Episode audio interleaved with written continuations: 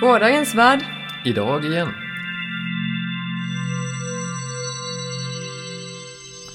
Ja, då är vi tillbaka igen med lite mer eh, podd.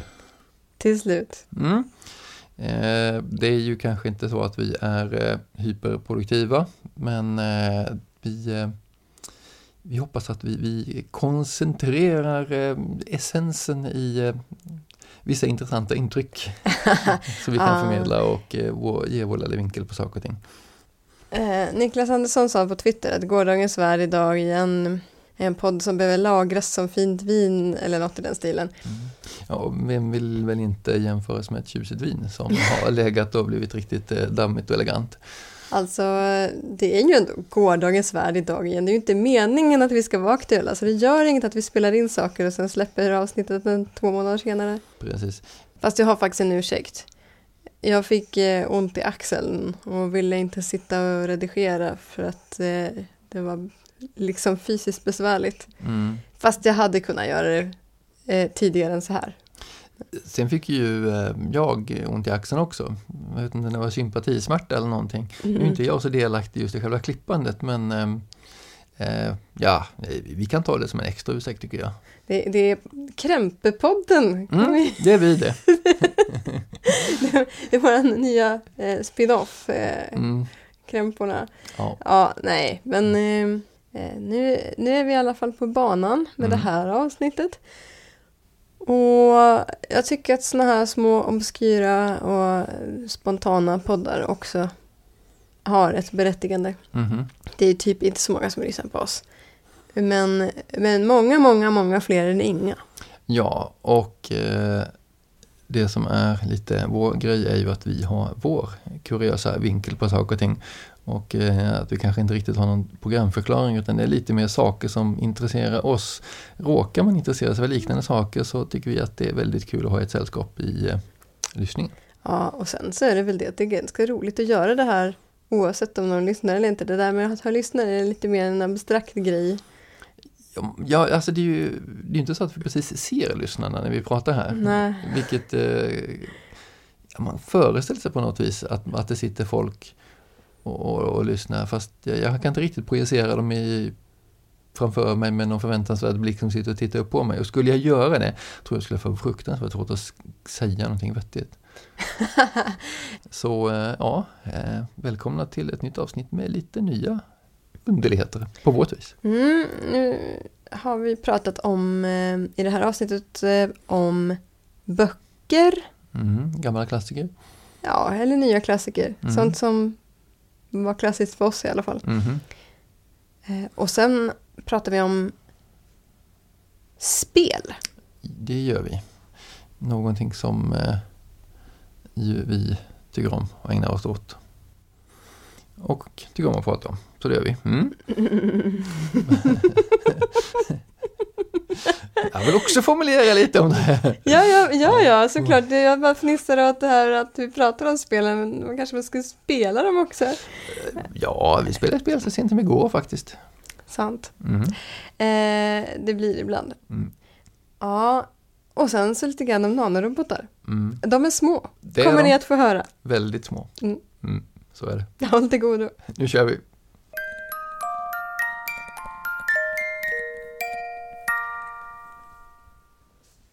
Jag eh, fick eh, visat för mig en sån här utmaning som går runt på internet när eh, folk säger gör det här och skicka vidare till mig. Och den här gången var det en liten grej som gick ut på att man tar en liten kort sekund och tänker på tio böcker som har betytt någonting för dig. Tänk inte för mycket på det utan bara tio saker som du känner att ah, det här är någonting som har på något vis berört en så pass mycket så att när man tänker tillbaka på det så är det de man först kommer att tänka på. Mm. Jag funderade lite på vad det där Det behöver Skulle- inte vara de bästa. Nej, precis. Det är något som på ett eller annat vis gjort intryck på en så att när man tänker tillbaka på vilka har gjort intryck på mig så dyker de upp. Och det kan ju Okej. vara exceptionellt dåliga eller exceptionellt bra eller exceptionellt tankvärda eller någonting annat. Mm, mm. Då började jag fundera på vad skulle det vara ifall jag la fram den frågan till dig och Oj, ja. Du studsade tillbaka den till mig. Jag, jag tror att det här måste vara en sån sak som beror på eh, dagsform och humör lite grann. Men visst, Ja, oh ja. alltså kan vi inte bara eh, köra en var och se var vi hamnar? Visst, det kan vi göra. Hmm. En bok som gjorde väldigt stort intryck på mig som jag måste nämna är ju Vintergatans son av Robert Heinlein. Mhm. Eh, eftersom det var den boken som fick mig att först leta reda på fler böcker av Robert Heinlein men så i den vändan också upptäcka att hmm, det står science fiction på dem. Det är kanske någonting som jag är intresserad av. Det Och låter ju som någonting som skulle vara synnerligen signifikant för dig, ja. Ja, så den här boken var liksom portalverket som var ingången till science fiction för mig. Att upptäcka att det var en grej. Vad är det den heter i original? Eh, Citizen of the Galaxy. Ja. Nu får du köra en. ja, ska jag ta någon sak som jag läste sådär när jag var yngre och gick runt på biblioteket i Värnamo där hemma och tittade på bokryggar, lite sådär då. Mm. Eh, så måste jag faktiskt eh, nämna två böcker, de hänger ihop lite, Mm. eh, som jag lånade, tog hem och läste och läste och blev så fascinerad av så jag fortsatte att läsa långt in på natten och småslumrade med när jag läste så det till slut började bli svårt att veta om jag hade varit vaken och om jag drömde och vilken historia som var vilken. Ja, så där som man gör i viss ålder. Precis, och det var ju då när eh, två volymer som Sam J. Lundvall gav ut på Delta av H.P. Lovecrafts noveller. Oj. Eh, och Sam gav av någon märklig anledning ut de här under namnet Cthulhu 1 och Cthulhu 2. Ja, just det, för de var felstavade på omslaget. Ja, det, och det kan vi diskutera om det är rätt eller fel med tanke på det här ska vara någon sorts namn på en varelse som inte går att uttala med mänsklig eh, vokalapparat överhuvudtaget. Men det stod ju faktiskt inte Cthulhu på framsidan, försättsblad och titelblad utan det stod ju faktiskt Cthulhu på ett par av de här ställena men på, frams, på omslaget där stod det Cthulhu. Så Mm. ja, de var lite lustiga.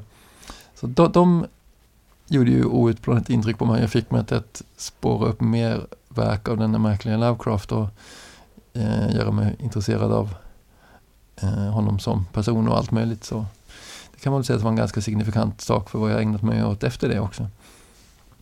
Intressant. Eh, jag ska gå ännu längre tillbaka nu i eh, mitt liv. Eh, till de första böcker som jag fick när jag var liten och det var eh, Narnia-böckerna. Mhm. Som eh, pappa tydligen köpte på någon rea eller vad det nu var. När de var ganska nya. Och jag var väldigt liten. Hästen och hans pojke är den Narnia-bok som har betytt mest för mig tror jag. Mhm. Hur kommer det sig att det är just den då? Ja, eh, det, det beror på dels att den har en så ehm, spännande sån här resestory med en ehm, pojke som inte vet vem han själv är och så reser han genom en värld och upptäcker vem han själv är. Men också det här med talande hästar eh, och ehm, att upptäcka olika kulturer och det att han är uppvuxen i Kalormen Mm. men sen kommer han till Narnia och ser det utifrån. Mm. I vuxen ålder så kan jag ju se att visst skildringen av Kalormen kan ha sina knasigheter när man känner till någonting om den verkliga världens historia. Lite färgad av brittisk imperialism kanske? Ja, fast min tolkning är att den är mycket mer färgad av eh, 1800-tals orientalism. eller Mm, kanske till och mm. med 1700-tals orientalism. Mm. Ja, det var nästa influens jag kunde tänka mig. Ja. Ja, eh, för C.S. Lewis tyckte nog mycket om att läsa sagor Mm. och sånt. Eh, så ja, jag har en känsla av att han inte reflekterade så mycket över att eh, det här har en relation till verkliga världen utan det är mera som någon slags mytologiskt Österland som han har tagit sin mhm. eh, sina influenser ifrån. Och sen har han ju sitt något irriterande sätt att beskriva allting som är välbekant och tryggt för honom Mm. som det goda. Ja, Ja. ja. Eh, vilket jag tror att han själv inte heller var så medveten om. Mhm. Men du får tänka den här killen som är uppvuxen med något helt annat. När han kommer till Arkenland och får en typ engelsk frukost Mm. så är han otroligt imponerad av hur fantastiskt detta är. Ja, Ja, eh, så det är ju lite märkligt egentligen. Mm, ja, som gastronomisk sensation så är det ju inte... Ja, Nej, men det är liksom ägg och stekt svamp och, och eh, man brer smör på rostat bröd. mm, vilken upptäckt. Mm. Ja, men jag har läst den här boken för många gånger som du Mm, märker. Mm. Men den innehåller så många fantastiska grejer som handlar om att eh, eh, växa upp och upptäcka vem man själv är och vara med om äventyr. Mm. Eh, och eh, min absoluta favoritgrej i den här boken är ju när Shasta, som pojken heter, ska lära sig att rida. Mm. Och han ska lära sig att rida av en talande häst. Mm. Han rymmer tillsammans med en talande häst. Så är det ja. Mm. Och då säger hästen, kan du rida? Och då säger han, ja det är klart jag kan, jag har ju ridit på en åsna. Mm. Och hästen blir jätteförolämpad. Mhm. Och sen så säger han, ja ja ja ja, men alltså kan du falla av och sen sitta upp igen och sen falla av igen och sitta upp en gång till utan att börja gråta och ge upp, Mm. typ. Ja, just det. Mm. Och det är en sån här eh, levnadsläxa som jag verkligen har tagit till mig. Det är, det, det är det som det handlar om. Att kunna lära sig någonting. Att Mm. kunna någonting eller att lära sig någonting. Att mm, klara av att misslyckas. Mm, Mm. precis. Ja. Jag ska inte prata mer om den här boken nu men Mm. Ja, Den den, här- den har uppenbarligen satt sina spår, det märker man. den har satt sina spår och jag kan den typ nästan utan till. En ehm, av Louis vänner eh, får nog stå för min nästa bok jag kommer att tänka på. Också en eh, fantasyverk då. Då kanske det inte är så svårt ut vad det är jag tänker på i så fall. Lord of the Rings. Kan det vara ja. Eh, för det är ju faktiskt eh, nog en av de eh, litterära verk jag läst om flest gånger. Och även ifall jag nu inte läst Tolkiens böcker på ganska länge och ärligt talat inte känner något direkt starkt sug att göra det heller. Så eh, det har varit en, en socialt väldigt viktig eh, sak för min del. För det, det har format väldigt mycket samtal och, och det var sådana här saker som att man har liksom hittat sociala kontakter med att jaha, du gillar också det där liksom. mm. Eh, så för med mitt sociala liv sedan Mm. eh, lägre tonåren eller något, något i den här stilen upp till vuxen ålder har det ju varit en, en väldigt viktig eh, bok för min personliga historia skulle jag vilja säga. Coolt. Sen eh, har, är det också, just på grund av att jag läst den så många gånger, text som jag kan eh, jag kan känna igen eh, fraser från och, och eh, eh, man kan, jag kan liksom inte läsa frasen stuvade morötter utan att tänka på, på, på eh, eh, Sam och Frodo som är ute och Och vandrar den och sådär. kortaste vägen till svamparna. Kortast väg till svamp, precis. Men eh, jag kan nog tyvärr inte säga att den, att den, den där typen av, av eh, lärdomar som hur man lär sig att rida är någonting jag, jag kan... Eh, om det var någon, någon sån här lärdom om, om livet som, som man kanske fick sig till livs men som man kanske inte riktigt tog till sig och inte riktigt begrep och eh, så här i efterhand kanske var lika bra att man inte gjorde det. Det är väl eh, Tolkiens eh, stora kärlek till, till eh, eh, piprökning Mm. som kanske var lika bra att man inte tog till sig lika mycket som han kanske nästan fick det att låta som att det gick ut på ibland. Du tog faktiskt- till dig cigarettrökning från film istället. Eh, ja, och jag rökte ju faktiskt pipa även på den tiden när jag rökte så det var väl om, om Humphrey Bogart fick det att se elegant ut och röka cigaretter så kanske någonstans i mitt bakhuvud Tolkien fick det att vara lite mysigt att rö- röka pipa. Ja, eh, bra att du inte sysslar med det här längre, eh, tycker jag. Ja, eh, men när man pratar om böcker som betytt något för ens sociala liv så är min nästa bok Lyftarens guide till galaxen. Ah, ja. Från- Måste vi vara originella eller får jag ta upp den också? Nej, vi måste nog ta olika. Alltså, ja, eh, ja annars blir det ja, fånigt. mm, sant. Fortsätt. Ehm, Jo, eh, under en viss period från kanske nian till eh, någon gång när jag var i lite över 20 i alla fall. Under den perioden. Så var det här ett verk som kom upp i nästan alla möten med eh, roliga människor Mm. på ett eller annat vis. Lite som eh, jag tänker mig att jag pratar Tolkien-böcker Mhm. med folk. Så, Mm. jag behöver inte säga så mycket mer om det. Nej. Nu blir det din tur. Ja, då... eh, ehm, jag läste när jag var relativt ung. Ändå. Jag kommer faktiskt inte riktigt ihåg hur gammal jag var när jag först läste de här böckerna. var ju eh, Susan Coopers serie. Mm. Eh, The Darkness is Rising heter den väl på engelska. The Dark is The rising. Dark is Rising kanske den heter jag. Eh, den som på svenska inleds med En ring av järn. Mm. Jag tror den kom ut först, även om den faktiskt inte är skriven först. Eh, utan det är den som heter Ovanhav Under sten. under sten, så heter den ja, precis. Men jag läste då den här En ring av järn först. Och den läste jag om flera gånger, precis som, som Tolkien här var det en bok som jag läste om och om. Och eh, det är lite intressant faktiskt, när jag kom till Uppsala och eh, började plugga Mm. när jag flyttade hemifrån så kom jag ihåg två böcker som jag lånade på Uppsala stadsbibliotek efter att ha skaffat mig lånekort här. Mm. Eh, då, eh,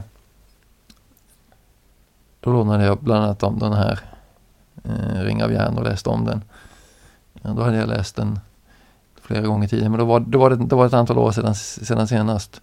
Men Så det, var som att återse en vän, att hitta någonting tryggt i Ja, nya omgivningar. Ka- kanske var det något sånt utan att riktigt medvetet tänka så att eh, någon, någon hade någon som, jag menar, vad är det han heter? Will heter han va? Will Stanton Mhm. i den boken. Han upptäcker ju där att han han är någonting mer och att han passar in i ett större sammanhang och det kanske kanske var så något omedvetet där som fick mig att väl, vilja att läsa en sån text om just det när jag flyttar hemifrån och börjar plugga och kommer till en ny stad och är lite rotlös, jag vet inte. Ja, kanske det också. Eh, har ju faktiskt läst om de där böckerna nu. Mm, för En- mig. Del av dem. För dig har jag läst lite ja. Och eh, tycker fortfarande att de håller rätt bra alltså. Mhm. Jo då, men har inte vi pratat om det i podden förut? Det har jag vi tror säkert. vi hade ni har nämnt de här böckerna. Ja, det, jag tenderar att återkomma till dem. Mm. Så det känns som att det, det på en sån här lista så hör de nog hemma där för mig. Okej, eh, min bok nummer fyra då. Det får bli en antologi. Det är faktiskt en, en antologi som heter Framtiden inför rätta. Ah. Med eh, dystopiska noveller. Det var i den här som jag lärde mig vad en dystopi är. Ja, just det. Din Och- fäbless för dystopier som jag inte riktigt delar. Nej, den, den här inledde min stora dystopiperiod i nian. Mhm. När jag bara läste dystopier under en lång period och sen efter det tappade sugen lite och inte visste vad jag skulle läsa överhuvudtaget. Mhm. Så. Men då läste jag de här klassiska 1984 och Vi och Det sköna nya värld och alltihop. Ja, Kallocain. Kallocain. Eh, eller vänta nu, nej Kallocain läste jag faktiskt först senare. För jag Mhm. hittade inte den just då. Mhm.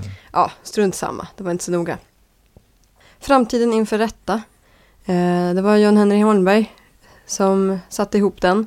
Och den innehöll flera ganska häftiga science fiction-noveller. Den är nog fortfarande en bra antologi. Okej, din tur.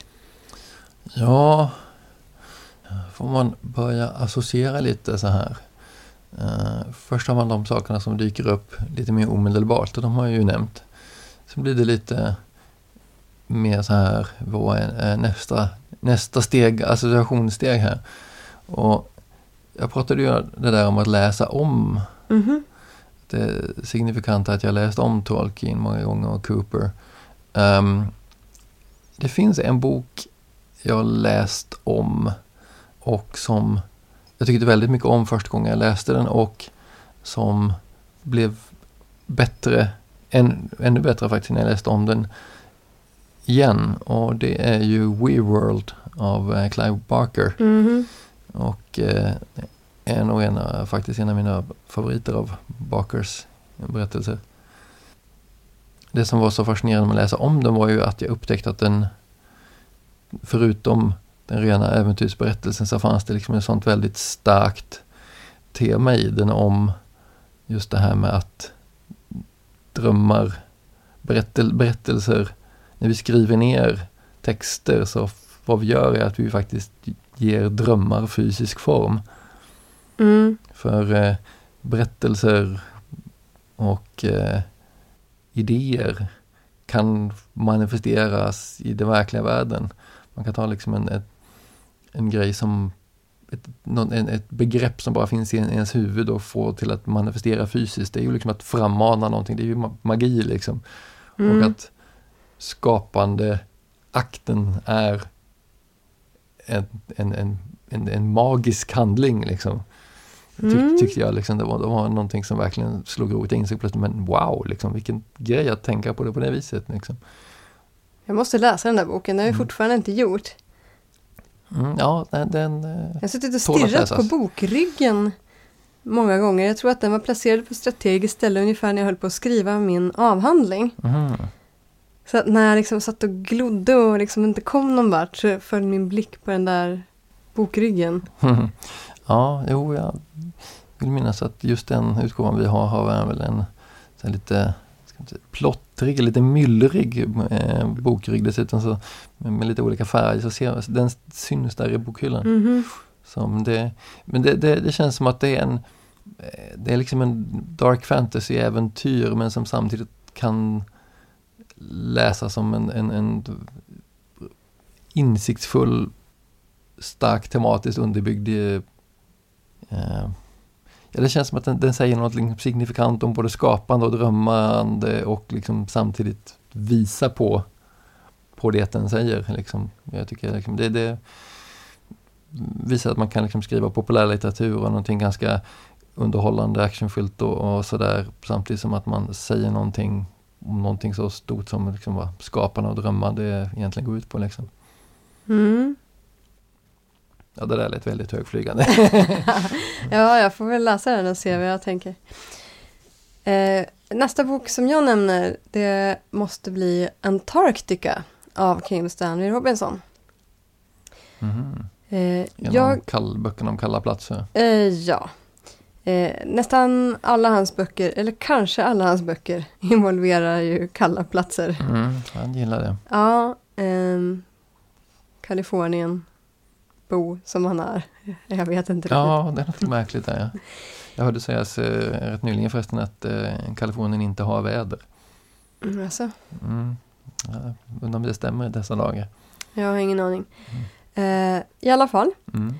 jag tror nämligen att det var den här boken som fick mig att fastna för att läsa Kim Stanley Robinson. Och som sen, vilket sen ledde till att jag läst allt av honom utom en bok. Men Mhm. jag hade ju läst Mars-trilogin redan innan och tyckt om den men inte blivit sådär fullständigt såld. Eh, Men boken Antarctica, den köpte jag i en väldigt snygg utgåva. På ett antikvariat i London. Ja, just det. Nu Ja. tycker jag mig komma ihåg det. Vi var Mm. på ja, Charing Cross Road faktiskt. Mm. Och jag letade efter eh, science fiction som Mm. jag skulle vilja läsa. Mm. Och så fanns den här boken som hette Antarctica. Eh, platsen som jag ville till. ja, det var innan du åkte Ja, ja. dit ja. Mm. ja. Eh, och, eh, och så var den så snygg. Och sen läste jag boken och så blev jag extremt förtjust i miljöskildringarna. Och hur den fantastiska entusiasmen för, för både livet Mhm. och omgivningen och hela den här grejen som finns i alla hans böcker också. Det här med relationen till en plats. Mm. Att eh, verkligen vara någonstans och ha ett utbyte, ett beroende av och så med den plats där man är. Det tyckte jag var så himla fint och Mhm. häftigt. Mhm. Och sen så fanns det roliga idéer om, eh, om politik och världsutveckling och sånt som eh, fanns, som fångade mitt intresse även om det inte var det viktigaste i boken. Och så blev du sugen på att åka till Antarktis. Nej, men det var jag redan innan. Det var du redan innan. Det var ju ja. därför jag ville läsa den Mm. boken. Mm. Eh, Ja, Okej. sj- Själv läste jag ju faktiskt, eh, vad heter den? Icehenge. mhm. En annan av hans böcker om kalla platser. Och eh, blev inte, mycket tidigare bok. Mycket tidigare, precis. Och blev inte alls såld på vare sig kalla platser eller Stan Robinsons författarskap. Fester! Det finns fester i den boken också. I Icehenge? Jajamän, Ja, det minns jag inte. Det var kallt. Det, det minns jag. de var på Pluto. De var på Pluto. Mm. Ja, strunt samma. Mm. Nu får du säga en bok som har påverkat dig. Vilket Ja. Ice Henge då tydligen inte gjorde. Nej, dieten påverkade mig på det sätt jag inte fick för mig att läsa mer Stan Robinson. Men det gjorde jag ändå senare. Men ja, en mer positiv påverkan, någon, någon, någonting som satt mer eh, bestående spår i, i positiv bemärkelse samtidigt som jag inte riktigt rätt upp och ner kan säga att det är en bok som jag vare sig gillar eller ogillar. Ehm, är eh, ehm, boken Onåd eller Disgrace av eh, en Nobelpristagare från Sydafrika som har ett sånt där lurigt namn som jag en gång har fått höra från en sydafrikan hur man ska uttala, sen så glömde jag bort hur det var. Kotsi, Kutsi, just det. Vad är den inte förnamn nu? John? Eller? kommer inte ihåg. Ja. Eh, för den boken, eh, den läste ju jag och upptäckte eh, efter att ha läst ut den att jag plötsligt delade huvudpersonens åsikter. Trots att jag inte gjorde det när jag började läsa boken. Och det är inte en bok som är direkt propagandistisk, snarare allt annat än. Den liksom bara berättar en historia. Men författaren hade med ett fantastiskt subtilt språk fått just framkallat känslor i mig. Vilket jag tyckte var så, det var liksom så, så både elegant och lite skrämmande på samma gång. Jag vet att eh, när eh, jag pluggade litteraturvetenskap så fick jag veta att eh, den här eh, dikten om Ångest är min arvedel, som många känner till, Ångest, ångest är min arvedel, Mm. den skrevs inte för att beskriva ångest utan den skrevs i, i en eh, litterär skola som gick ut på just att framkalla känslan snarast. Mm. Dikten beskriver inte en känsla utan den är liksom menad men att suggestera fram känslan i fråga. Mhm. Och jag tyckte det, att det lät som ett berömt experiment men jag fattar inte hur det skulle kunna funka. Medan den här Disgrace gjorde precis just det. Vadå, du fattar inte hur det funkar att framkalla en känsla? Mm, Inte på det viset som Kurt C gjorde det för att jag märkte inte att det skedde. Mhm. Jag, jag, kan titta, jag kan titta på de här dikterna som nu riskerar jag att, att visa hur mycket jag har glömt av mina litteraturvetenskapliga studier här, men var det Lagerqvist som skrev den här dikten? Det var det va? Fråga inte mig, jag klipper bort det här. och eh, jag blev liksom inte såld på det, på det konstnärliga projektet därför att det funkade inte. Liksom. Det syntes vad man försökte göra, det liksom, gick liksom inte riktigt hem, även om jag tyckte att idén var lysande. Och här var det någon som lyckades göra det och det imponerade oerhört på mig. Så det, den boken satte sig, det den gjorde satte sig i huvudet på mig och, och därför så kommer jag liksom ihåg den där boken hela tiden. Även om jag inte riktigt kan säga att det var en bok som jag gillade som sådan. Nej, man behöver inte gilla allt. Det är stor skillnad på böcker som är bra och böcker jag gillar, Mm. faktiskt. Det finns jättemånga böcker som jag läser och inser att det här är verkligen inte bra. Mm. Mm. Men jag gillar det. Ja. Ja. Och sen finns det ju de där böckerna som, som jag vet att de är bra, men jag lyckas aldrig gilla det. Mm, mm. Jag läser och så känns det som att ja, men det här är fiberknäcke. Det, Ja. det är bra, jag vet att det är bra, Mm. men, men jag bryr mig inte. Nej, precis. Det är jättebra om du har lyckats sammanfalla. Ibland gör det det. Och det är, Ja, då, ja, det är, riktigt, ibland. det är då det klickar till sådär fantastiskt. Precis, Ja. då blir det verkligen underbart. Ja.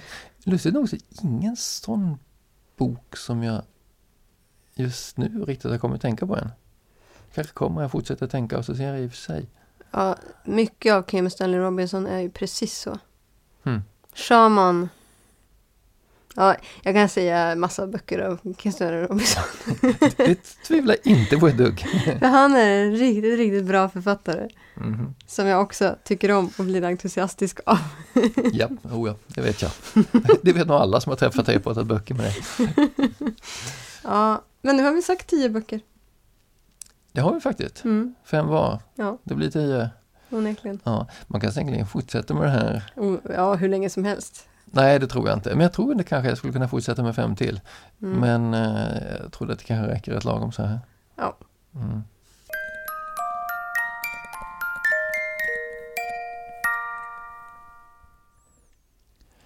Det finns ju vissa sådana här, eh, ska man säga, referenspunkter i kulturen.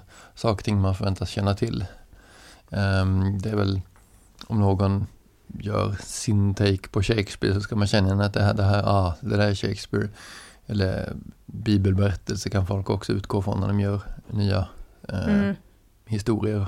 Eller, ja, det gäller väl både Och så kan man känna sig smart ifall man känner igen det. Mhm, Och ibland fattar man ingenting om man inte är med på vad det syftar på. precis. Och en sån här sak som jag har tänkt dyker upp i kulturen som man nästan förväntas känna till är ju lite det här med klassiska spel. Man förväntas kanske veta vad, vad för den här pokerhandeln betyder, om det är bra eller dålig. Eh, man eh, förväntas liksom inte få en exposition som förklarar hur schack går till och vad schack handlar om när man tittar på Blade Runner. När Jave Sebastian Mm. och eh, Tyrell spelar schack. Det, Fast behöver man förstå vad som händer på schackbrädet för att fatta att de spelar något taktiskt liksom? Man behöver väl inte förstå vad som händer på schackbrädet? Nej, det behöver man inte. Men man, För jag har liksom aldrig ägnat det någon uppmärksamhet, måste jag ju erkänna. Du har inte det? Nej. Nej, men det finns ju en viss liksom, symbolik där med liksom, kungen som styr och så har han sina liksom, bönder som alla är likadana. Liksom. Det, det, det känns lite som att det finns en inbyggd symbolik och vet man någonting Ja. om schack så ser man det och tänker liksom på det. Men alltså det där schackpartiet, det är liksom signifikant på djupet. Alltså, det finns ju säkert hela schackpartiet online om man skulle vilja studera det, eller? Mm. Det finns folk som har ställt upp och kört det där partiet, det. eller? Det finns ju folk som har det och kan konstatera till exempel att det blir inte alls schackmatt med det där draget som, eh, Är det så? ja faktiskt. Wow! nu är det ju egentligen jättedåligt. På sätt och vis ja, men jag, jag ser det mer just det där symbolvärdet, att man ser att det finns liksom en kung på bägge sidor och Mm. Eh, att de har liksom sina så här minions då, liksom bönderna. Och jag tänker mig att det är ett faktum att man vet de sådana saker om schack och det, att man ändå känner igen, ah, det där är ett schackparti. Antyder på något vis ändå att schack är en del av det där som vi alla känner till. Mm. Och jag funderar lite på, finns det en allmänbildning i det här med att känna till klassiska spel? Vad är det för spel man bör känna till för att kunna ja, se de här grejerna? Liksom? Jag tänker mig det, poker och schack verkar väl vara sådana saker som förekommer hela tiden. Ja, fast jag kan ju inte spela poker. Där har vi nog en mer allmänna symboliken vad, vad poker står för. Mm. Och sådär, S i rocker med sådana grejer. Mm. Men jag, jag har ju faktiskt inget minne av att jag har spelat poker. Det har jag förstås gjort någon gång, men det måste vara djupt i urtiden. Mm. Nej, det finns ju sådana här saker som eh, den här filmen Rounders som bara handlar om, om pokerspel. Men jag uppskattade ju filmen utan att hänga med ett enda dugg på själva spelet. Det är klart, det kan man ju göra. Men jag har svårt att föreställa mig, jag menar, man kommer på idén att göra en film som Rounders om folk som spelar poker. Men ingen har kommit på idén att eh, eh, göra en film där folk spelar eh, Carcassonne. Eh, är du säker? Ja, relativt säker. Jag skulle inte säga att det är inte är omöjligt att det faktiskt kan tänkas komma i framtiden. Mm. Men, eh, men just nu känns det som att om någon spelar ett spel i, i en film så spelar man antagligen poker, schack, kanske Monopol. Mm, ja, jag tänkte just säga Monopol. Mm. Världens sämsta spel, men också ett av de mest spelade. Precis, det är väldigt ikoniskt och, Mm. och många känner till det. Dam, vad säger du om det? Ja, är det någonting man, man eh, behöver känna till eller borde känna till och är det någonting som förekommer i kulturen? Jag Vet tror det. inte. Ja, kanske. Ehm, fast jag kommer inte på något eh, exempel på rak arm. Det är mer att man ser de där damspelen överallt. Mm. Och det är ett spel som har funnits länge och väldigt spritt. Mhm. Varför finns inte det mer i, i populärkulturen eller i kulturen i allmänhet? Mm. Ja, någonting som jag vet förekommer ibland Mm. och som jag känner att jag skulle vilja ha bättre koll på för jag tycker det känns som att det är sånt där man bara borde känna till för att ha lite allmän koll på Mm. eh, västerländska kulturen i allmänhet. Det är det här med backgammon Mhm. som jag har försökt lära mig flera gånger. Och varje gång jag läst reglerna så tycker jag ja okej det var så det funkar, det var inte så krångligt. Och sen något år senare när jag eh, återigen eh, kommer inför ett backgammonbräde så tänker jag uh, jaha, hur var det nu igen? Ja, det är som jag och Kalaha. Mm. Det är så uppenbart hur man ska göra när man fått det förklarat för sig. Fast det är ju förstås en massa subtiliteter med det så att man kan bli superbra på det. Mm. Men jag glömmer bort det mellan varje gång jag spelar det. Jag, jag kommer inte ihåg hur man ska göra. Och så måste någon förklara det för mig nästa gång. Mm, det har jag faktiskt heller aldrig lärt mig. Men det, men det, känns, det kanske känns som en ändå ett... ehm, det, är också, det är också stort och klassiskt och sådär men... Det är eh, så enkelt för att man behöver bara mm, eh, spelmarker som inte ens behöver vara likadana. Men om man kan ha bönor eller någonting sånt som är Mm. lätt att få tag på så behöver man några gropar. ja, just det, så kan man spela det precis vad som helst. Ja.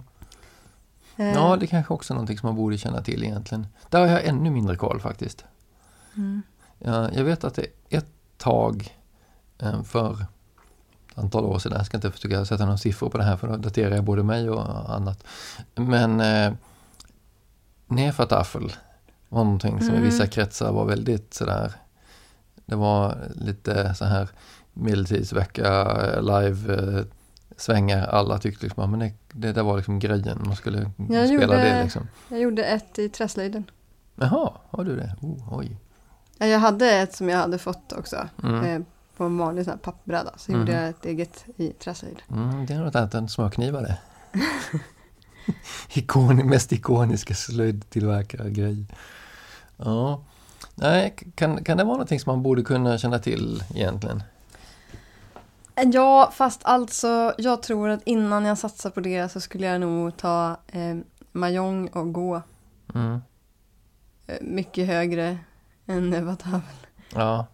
Ja, Mahjong och Gå är definitivt spel som förekommer i säg, klassisk litteratur och sånt där. Kanske inte så mycket klassisk litteratur från Sverige, men Nej. definitivt från andra länder. Men eh, gå har ju fått en så stark, ett sånt starkt symbolvärde på senare år. Mm. Dels som det här otroligt eh, intellektuella spelet och det är så tjusigt också. Det är Det det. här strama, snygga och smarta. Mm. Eh, och sen också med hela AI-forskningsfältet Mhm så har ju Gå efter trätt-schack som det där som visar på intelligens. Ja, ja, ja, jo, precis. Det är väl, Um, eh, är inte det någon av de här klassiska Bond-skurkarna förresten, eller skurk och skurk. Det är någon av de här KGB-generalerna som dyker upp i, i åtskilliga James Bond-filmer som, som har något schackbräde eh, någon gång för att man ska förstå att han, även om han är KGB-chef så är han liksom inte liksom bara en, en brute sådär utan han är en sofistikerad person också. Men ryssar spelar väl schack i stereotyperna så Ja. spelar ryssar schack. Det är ju så ja. Oh, ja. Ja. Så äh, går kanske nästa, det där tecknet på intelligens och sofistikering. ja, jag det tror det. Så? Det finns en, ehm, en roman, en sån här Lablit, som utspelar sig i forskarmiljö. Lablit, är det en grej? Ja, det är en grej. Ehm, Vad, spelar man där? ja, ja, går. i lite olika saker, men Mm. det är en speciell bok jag tänker på nu. Jag ska bara komma ihåg titeln. Ehm, Einsteins arvtagare. Mhm. Det känns bekant ja. Mm. Eh, I den Mm. Så finns det personer som spelar Gå. Mhm. Och där känns det ju verkligen som markören för smarthet. Mhm. Ja, det är ju väldigt, ska man säga, nästan lite, lite eh, klyschigt men ändå lite så här halv tjusigt med ett, ett personer i en, en, roman eller film eller någonting som håller på och spelar ett, ett gåparti eller schackparti samtidigt som de har någon form av annat problem. Mm. Och sen så, så händer någonting dramatiskt och deras personlighetsutveckling då visas genom att ah, nu har jag lösningen på det här problemet och så gör de ett drag och så vinner de. Och sådär. Ja, man ska spela, spela schack med döden har jag hört. Mm, det är ju en annan ja. Är faktiskt ganska skicklig. Mm. Som man säger. Ja. ja. Mm. I, I, en film som eh, för övrigt inte får tillräckligt cred för den fantastiska komedi som den är. Mm -hmm. Alltså jag måste erkänna att jag inte har sett den så det borde jag väl göra. Ja det, det borde du göra. Den är, den är ju strålande på många sätt. Det finns, finns mycket film som jag inte har sett, som mm. du vet. Ja, jo. Så. Mm. Men eh, hur är det med Majongen då? Jag vet ja. inte varför jag tänker att det ska vara ett viktigt spel. Jag kommer inte på något bra exempel heller på var man spelar Mahjong. Oh, In the mood for love. Ja. Den här eh, filmen. Mm, Där spelas det en väldig massa Mahjong. Alltså jag kommer ihåg en del av filmen men jag kommer inte ihåg Mahjong. Jo, men de det måste det spelar ju Mahjong hela tiden, konstant där. Ja, det är vänta nu. ständigt pågående Mahjong-partiet som liksom huvudpersonerna kommer och går Mm. igenom liksom. Där är ju Mahjong eh, som ett det är ju nästan som det här pågående spelet mellan människorna, de här liksom relationerna som utvecklas, det blir ju, syns ju i, i spelet som hela tiden pågår. Mm. Det är definitivt ett sätt att använda spelet som, som, som symbol symbolvärde liksom i, i filmen där. Det tycker jag det är ett bra exempel på att plocka in ett, ett, ett spel på det här viset för att illustrera en annan symbolisk poäng. Liksom. Men om det ska gå att hänga med i det spelet, på vad som händer där, Mm. då måste man verkligen sätta upp det på ett sätt så att det faller ut på ett vis som stämmer med plotten. Mm. Jag tänker på hur komplicerat det måste vara. Man måste liksom räkna ut att rätt sten ska ligga på rätt ställe när man börjar. För att spelet i filmen ska utveckla sig på rätt sätt. Ja, om man ska gå på till den absurda nivån, ja precis. Om man inte bara klipper in vissa nyckelhändelser och sådär, eller nyckelscener eller nyckel. Ja, ja, då kan man ju säga att det är hur som helst. Mm. Jag tror de Ja. flesta filmskapare och romanförfattare gör på det viset. Mm, uppenbarligen. Mm. Eh, som vi såg i det där Blade Runner-exemplet. Precis, ja. Men eh, jag tror att jag ändå inte skulle hänga med. Eftersom jag är extremt dålig på Mahjong också. Mhm. Jag är helt enkelt inte så jättebra på att spela spel överlag. Eh, det allra första gången jag överhuvudtaget sätter på det här tror jag faktiskt är eh, i fallet eh, Phileas Fogg Mhm. som spelar Whist. Ja, det spelade jag jämt i gymnasiet. Mm. Och jag kommer inte ihåg ett dugg hur man gör. Nej, det är samma sak här. Det- Första gången jag stötte på ett spel som spelade roll så att säga, om nu får en tillåtelse lite nästan Mm. en ovitsighet här, eh, i litteraturen och, man in, och det inte förekom någon förklaring vad det var utan det bara var något som skedde och man kanske förväntades till och med förstå vad det var som försiggick. Det var när Phileas Fogg spelade Whist. Och- Mm. Jag har verkligen ingen som helst aning längre om hur man spelar spelet. Kanske borde Alltså jag vet kanske ju lite hur det är. Man, man spelar i par med varann, lite Mm. grann som i bridge som jag inte heller kan. Men man sitter fyra personer runt ett bord Mm. och så ska man samla på vissa saker och hålla reda på vilka kort har spelats ut och inte så att man kan lista ut vad de andra har så man vet vad man själv ska satsa på. Ungefär sådär. Ja. Ett planeringsspel. Ja, och jag vet att jag läste den här boken och tyckte att det verkade vansinnigt. Det verkade rackarns sofistikerat och, och, och elegant att vara Mhm. engelsk, engelsk gentleman och sp- spela whist. Mm. Sådär som vi gjorde på håltimmarna. Ja, ja, typ. Mm. Nej, jag vet inte. Borde jag satsa på att lära mig något sånt här äh, spel för att vara lite mera sofistikerad och världsvan? Vad ska jag Mm. satsa på då? Ja, Är det bättre att satsa på poker eller borde jag satsa på Mahjong? mm.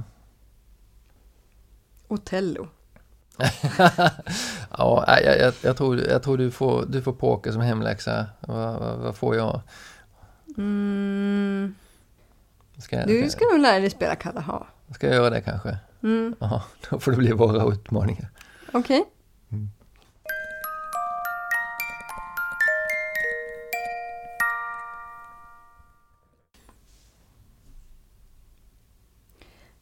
Vad tycker du om nanorobotar? De är eh, små. Mm. Väldigt små. Har det sagts mig. Det är liksom definitionen på dem. Jag har tänkt på att nanorobotar i science fiction från ungefär 90-talet, det var ju då som det där kom stort i, i SF. Eh, Det, det är en liksom liten egen genre. Och de har hållit sig kvar i SF-världen. Men jag tror att nanoteknik i verkligheten har sprungit iväg och blivit något helt annat. Ja, det har det nog. Jag kommer nämligen ihåg att jag såg någonstans, om det var i, i den här universum, den här tidningen man får Mm. om man jobbar på universitetet, eller om det var i kurskatalogen för Uppsala universitet, att det stod någonting om någon som sysslar med nanoteknologi. Mm. Och plötsligt fick jag någon konstig vision om någon som höll på med så här Grey Goo-experiment eller höll på och bygga den här fantastiska små manickerna vi skulle kunna injicera i vårt blodomlopp som skulle kunna laga våra kroppar inifrån så skulle vi aldrig vara sjuka. Sen så när jag läste på lite mer sen så det var inte alls det det handlade om. Jag blev nästan lite besviken samtidigt som jag fick någon form av sån här framtidschock när jag insåg att det faktiskt fanns folk som jobbade med nanoteknologi vilket ju Mm. var ytterligt magiskt. Alltså, var det någonting magiskt? Ja, det var väl det som var saken med, vad heter han nu, den här australiensiska SF-författaren som jag inte har läst någonting av. eh, Va? eh, han heter Greg Egan. Jaha, han Eh, ja. Mm. ja. Han skrev ju några böcker med mycket nanoteknologi och det var hård SF och det var, var så hårt så att det var mycket bättre än all annan SF. Om man Det skulle lyssna på dem som tyckte att han var bra. Och då fick jag intrycket av att, att det var liksom den här nya framtids subgenren där allting skulle vara någon teknologi och ingenting liksom riktigt gällde längre. Alla narrativa begränsningar skulle lösas upp eftersom man hade någon sorts sån här magic fairy dust som man kunde liksom strö ut över allting och så var det nanotech och så löste sig allting. Det känns som att nanoteknologi var någonting Mm. magiskt narrativt fusk som man eh, la till i sina böcker på något vis. Sen är det saken, jag har inte läst någon av, av Egens böcker så jag har Men- ingen aning om det var det det var. Men det var det intrycket jag hade fått på något vis. Hjälp, vad fick du det här intrycket ifrån då? För du har- lär ju precis som jag har läst massor av science fiction med nanoteknik i. Ja, det har jag. Men det, var, det här var, det- var det som la det här första intrycket, du vet, det där som man bär med sig även ifall man sen Men Ante, lär bättre.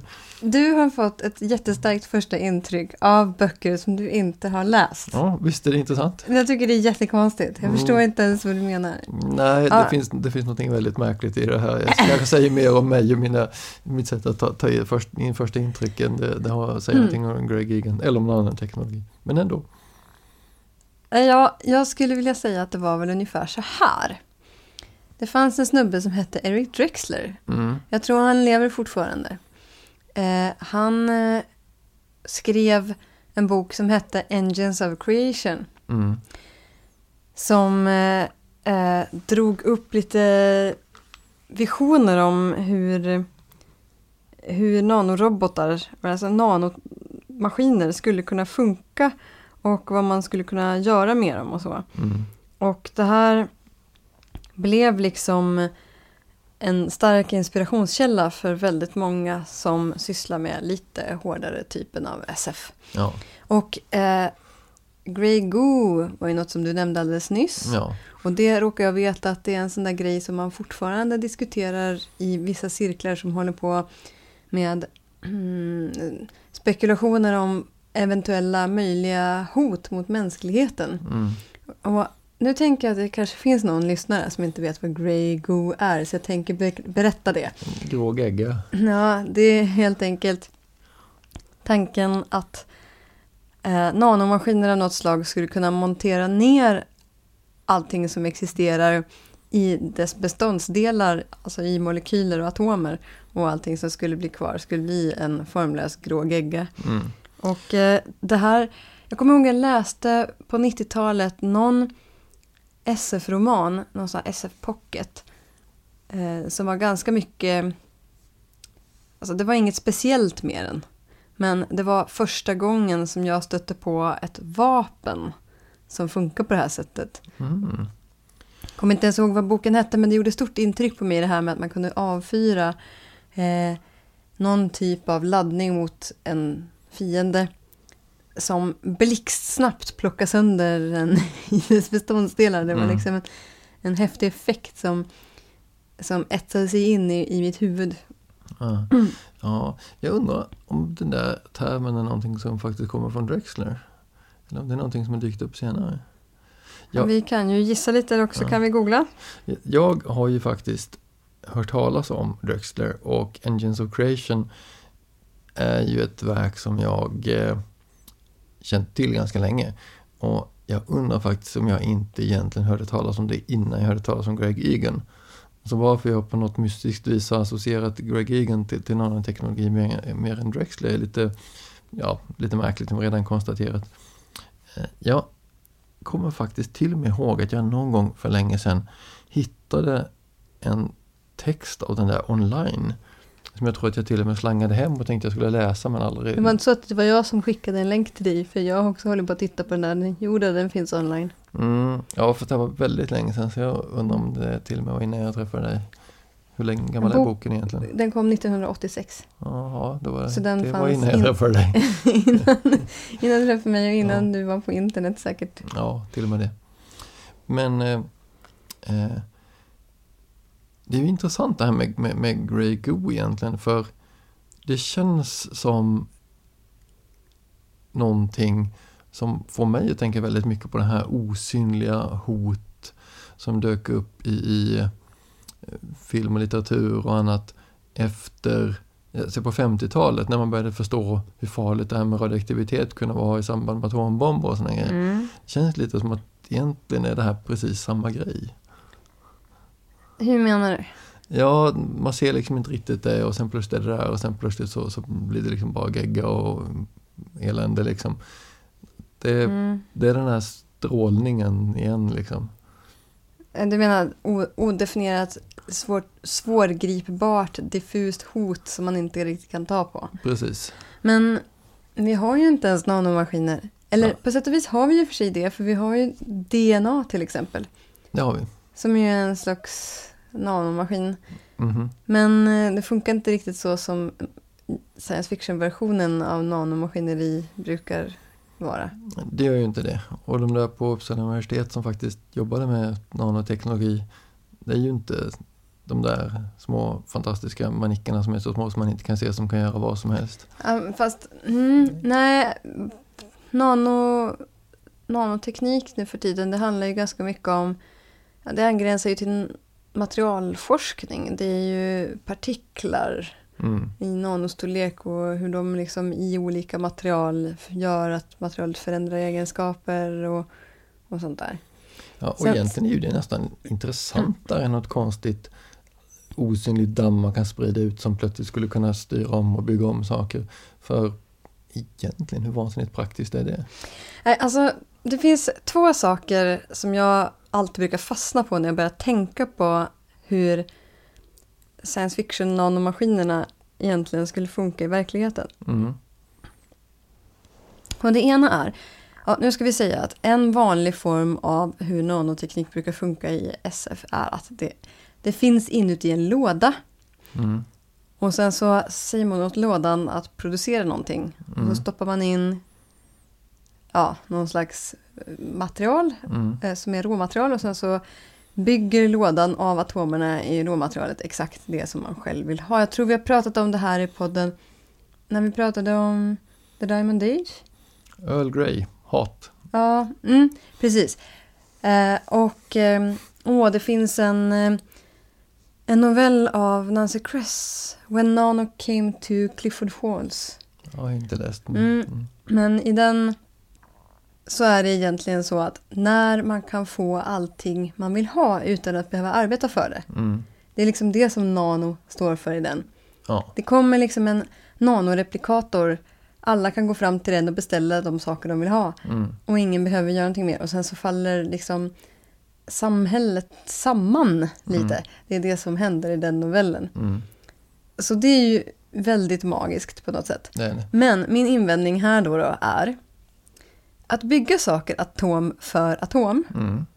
det är ganska opraktiskt. I alla fall om man ska mekaniskt manipulera atomerna. Därför att atomer är för det första extremt små. De är det, ja. Att bygga upp saker en atom i taget. Jag menar, det är ju löjligt hur omständigt det skulle vara. Mm. Jo, det är väl Och- kanske signifikant att i, i Star Trek, Mm. där man just kan trolla fram sitt Earl Grey Mm. hot eh, via någon sån där maskin, Mm. så bygger man ju faktiskt rymdskepp i någon form av, av varv i omloppsbana där man faktiskt bygger ihop saker ting på det gamla vanliga viset. Mm. Trots att man faktiskt kan trolla fram te på löpande band. Du menar att det är genomtänkt på något sätt? Att, att det skulle vara för jobbigt att bygga ett at- rymdskepp atom för atom? Jag vet inte om jag ska ge Star Trek så mycket cred för att vara genomtänkt, men ja, kanske var slumpmässigt blev det Ja. realistiskt. Ja, men det finns så många problem med det här. Bland annat att eh, det finns något som heter kemi. Mm. Mm. Kemi styr till exempel hur atomer kopplar ihop sig med varann. Mm. Mm. Atomer kan fastna ihop med varandra väldigt mycket och då blir de molekyler och då har vi plötsligt ett annat material. Och det är inte så lätt att bara liksom plocka bort en atom från en molekyl. Eh, Mm. Nej, är eller att sätta ihop två atomer så är det inte säkert att... Ja.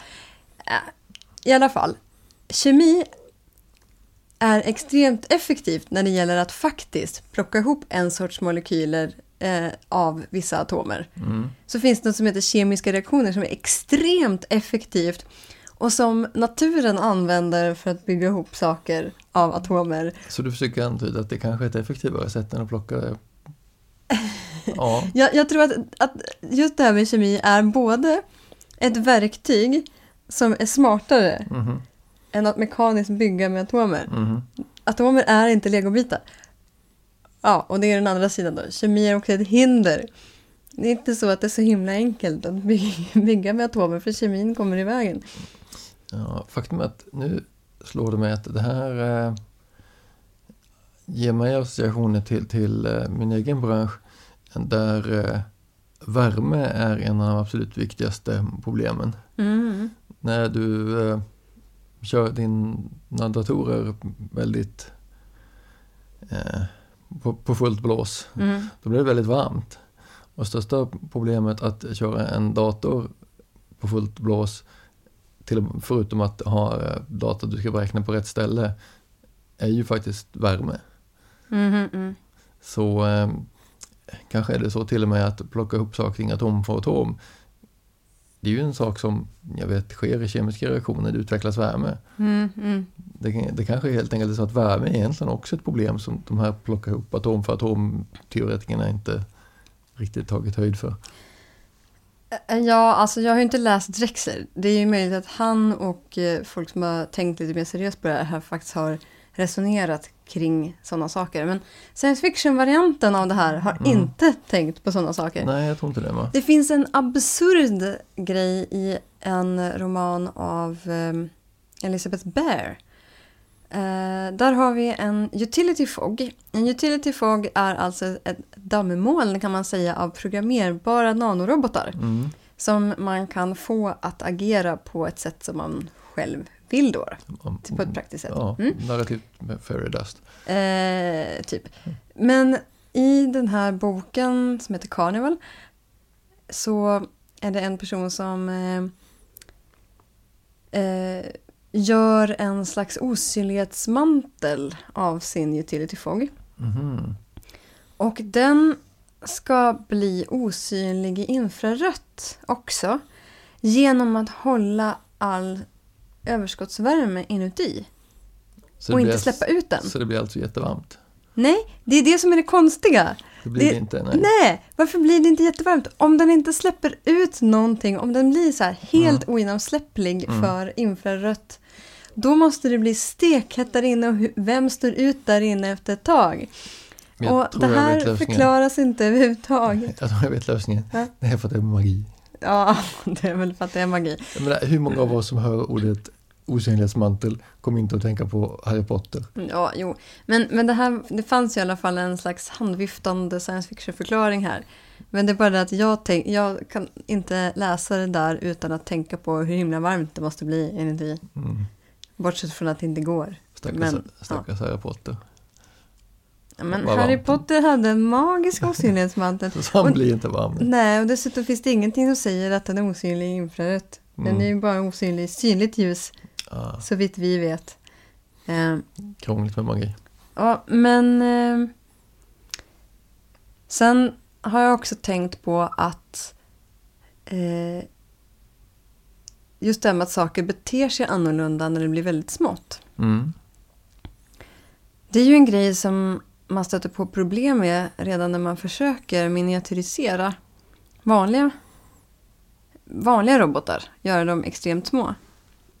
Att eh, mm, när saker och ting blir riktigt små man får effekter som att ja, saker fastnar i varandra på sätt och vis. Det kanske inte är så lätt att bara lyfta upp en sak och sen släppa den för den kanske sitter fast på gripklon då och liksom inte vill lossna och så Mm. vidare. Ja, just det. Eh, och eh, sen har man också många typer av mm, komponenter som man skulle kunna göra som inte går att göra hur små som helst.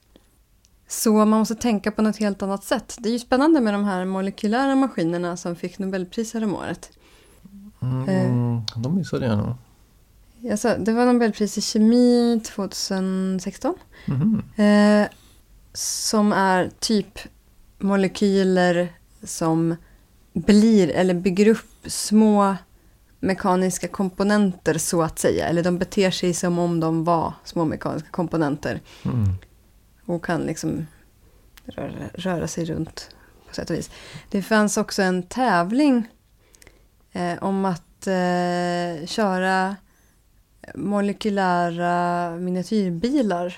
Jag Oh, kollade aldrig hur det gick i den där oh, tävlingen. man kan gamifiera det mesta. Ja. Men återigen landar vi alltså i att det blir kemi av det hela. Ja, det är ju kemi.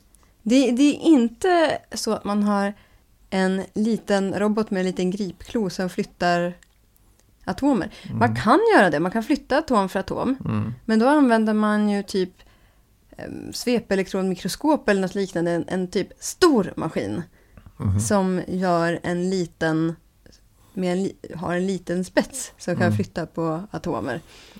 Men det li- finns inte en miniatyrmaskin som kan bygga med enskilda atomer. Nej, det är lite som, som eh, LHC.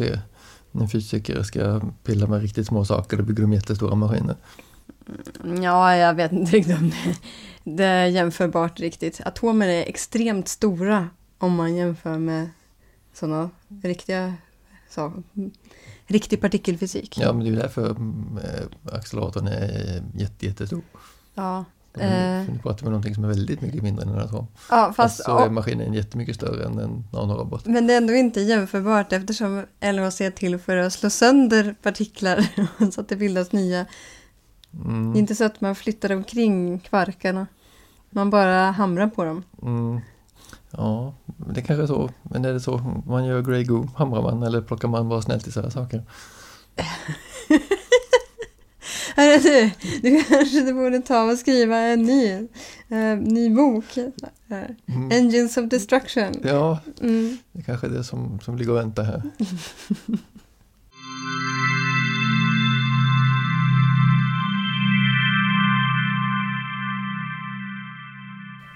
Du har just hört avsnitt 37 av Gårdagens värld idag igen.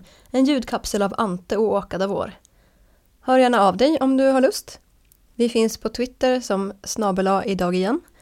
Och vi har ett kommentarsfält på bloggen anien.wordpress.com. Det här avsnittet släpps under Creative Commons-licensen Erkännande.